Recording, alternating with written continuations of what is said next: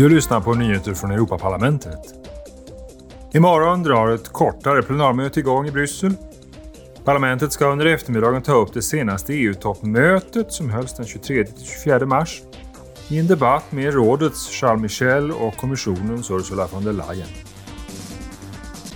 Imorgon ska parlamentarikerna diskutera nya regler som ser till att produkter i EU uppfyller de allra strängaste säkerhetskraven oavsett om de säljs på nätet eller i butik.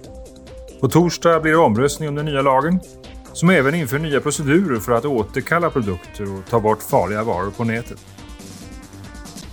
Igår och idag besöker inre marknadskommissionär Thierry Breton ledamöterna i parlamentets industriutskott. För dem presenterar han de nya rättsakterna om netto-nollindustri och om kritiska råvaror som EU-kommissionen antog i mitten av mars. De ingår i en plan för industrin i EUs miljösatsning, den gröna given. Målet är att stärka unionens motståndskraft, konkurrenskraft och oberoende. Du har lyssnat på nyheter från Europaparlamentet.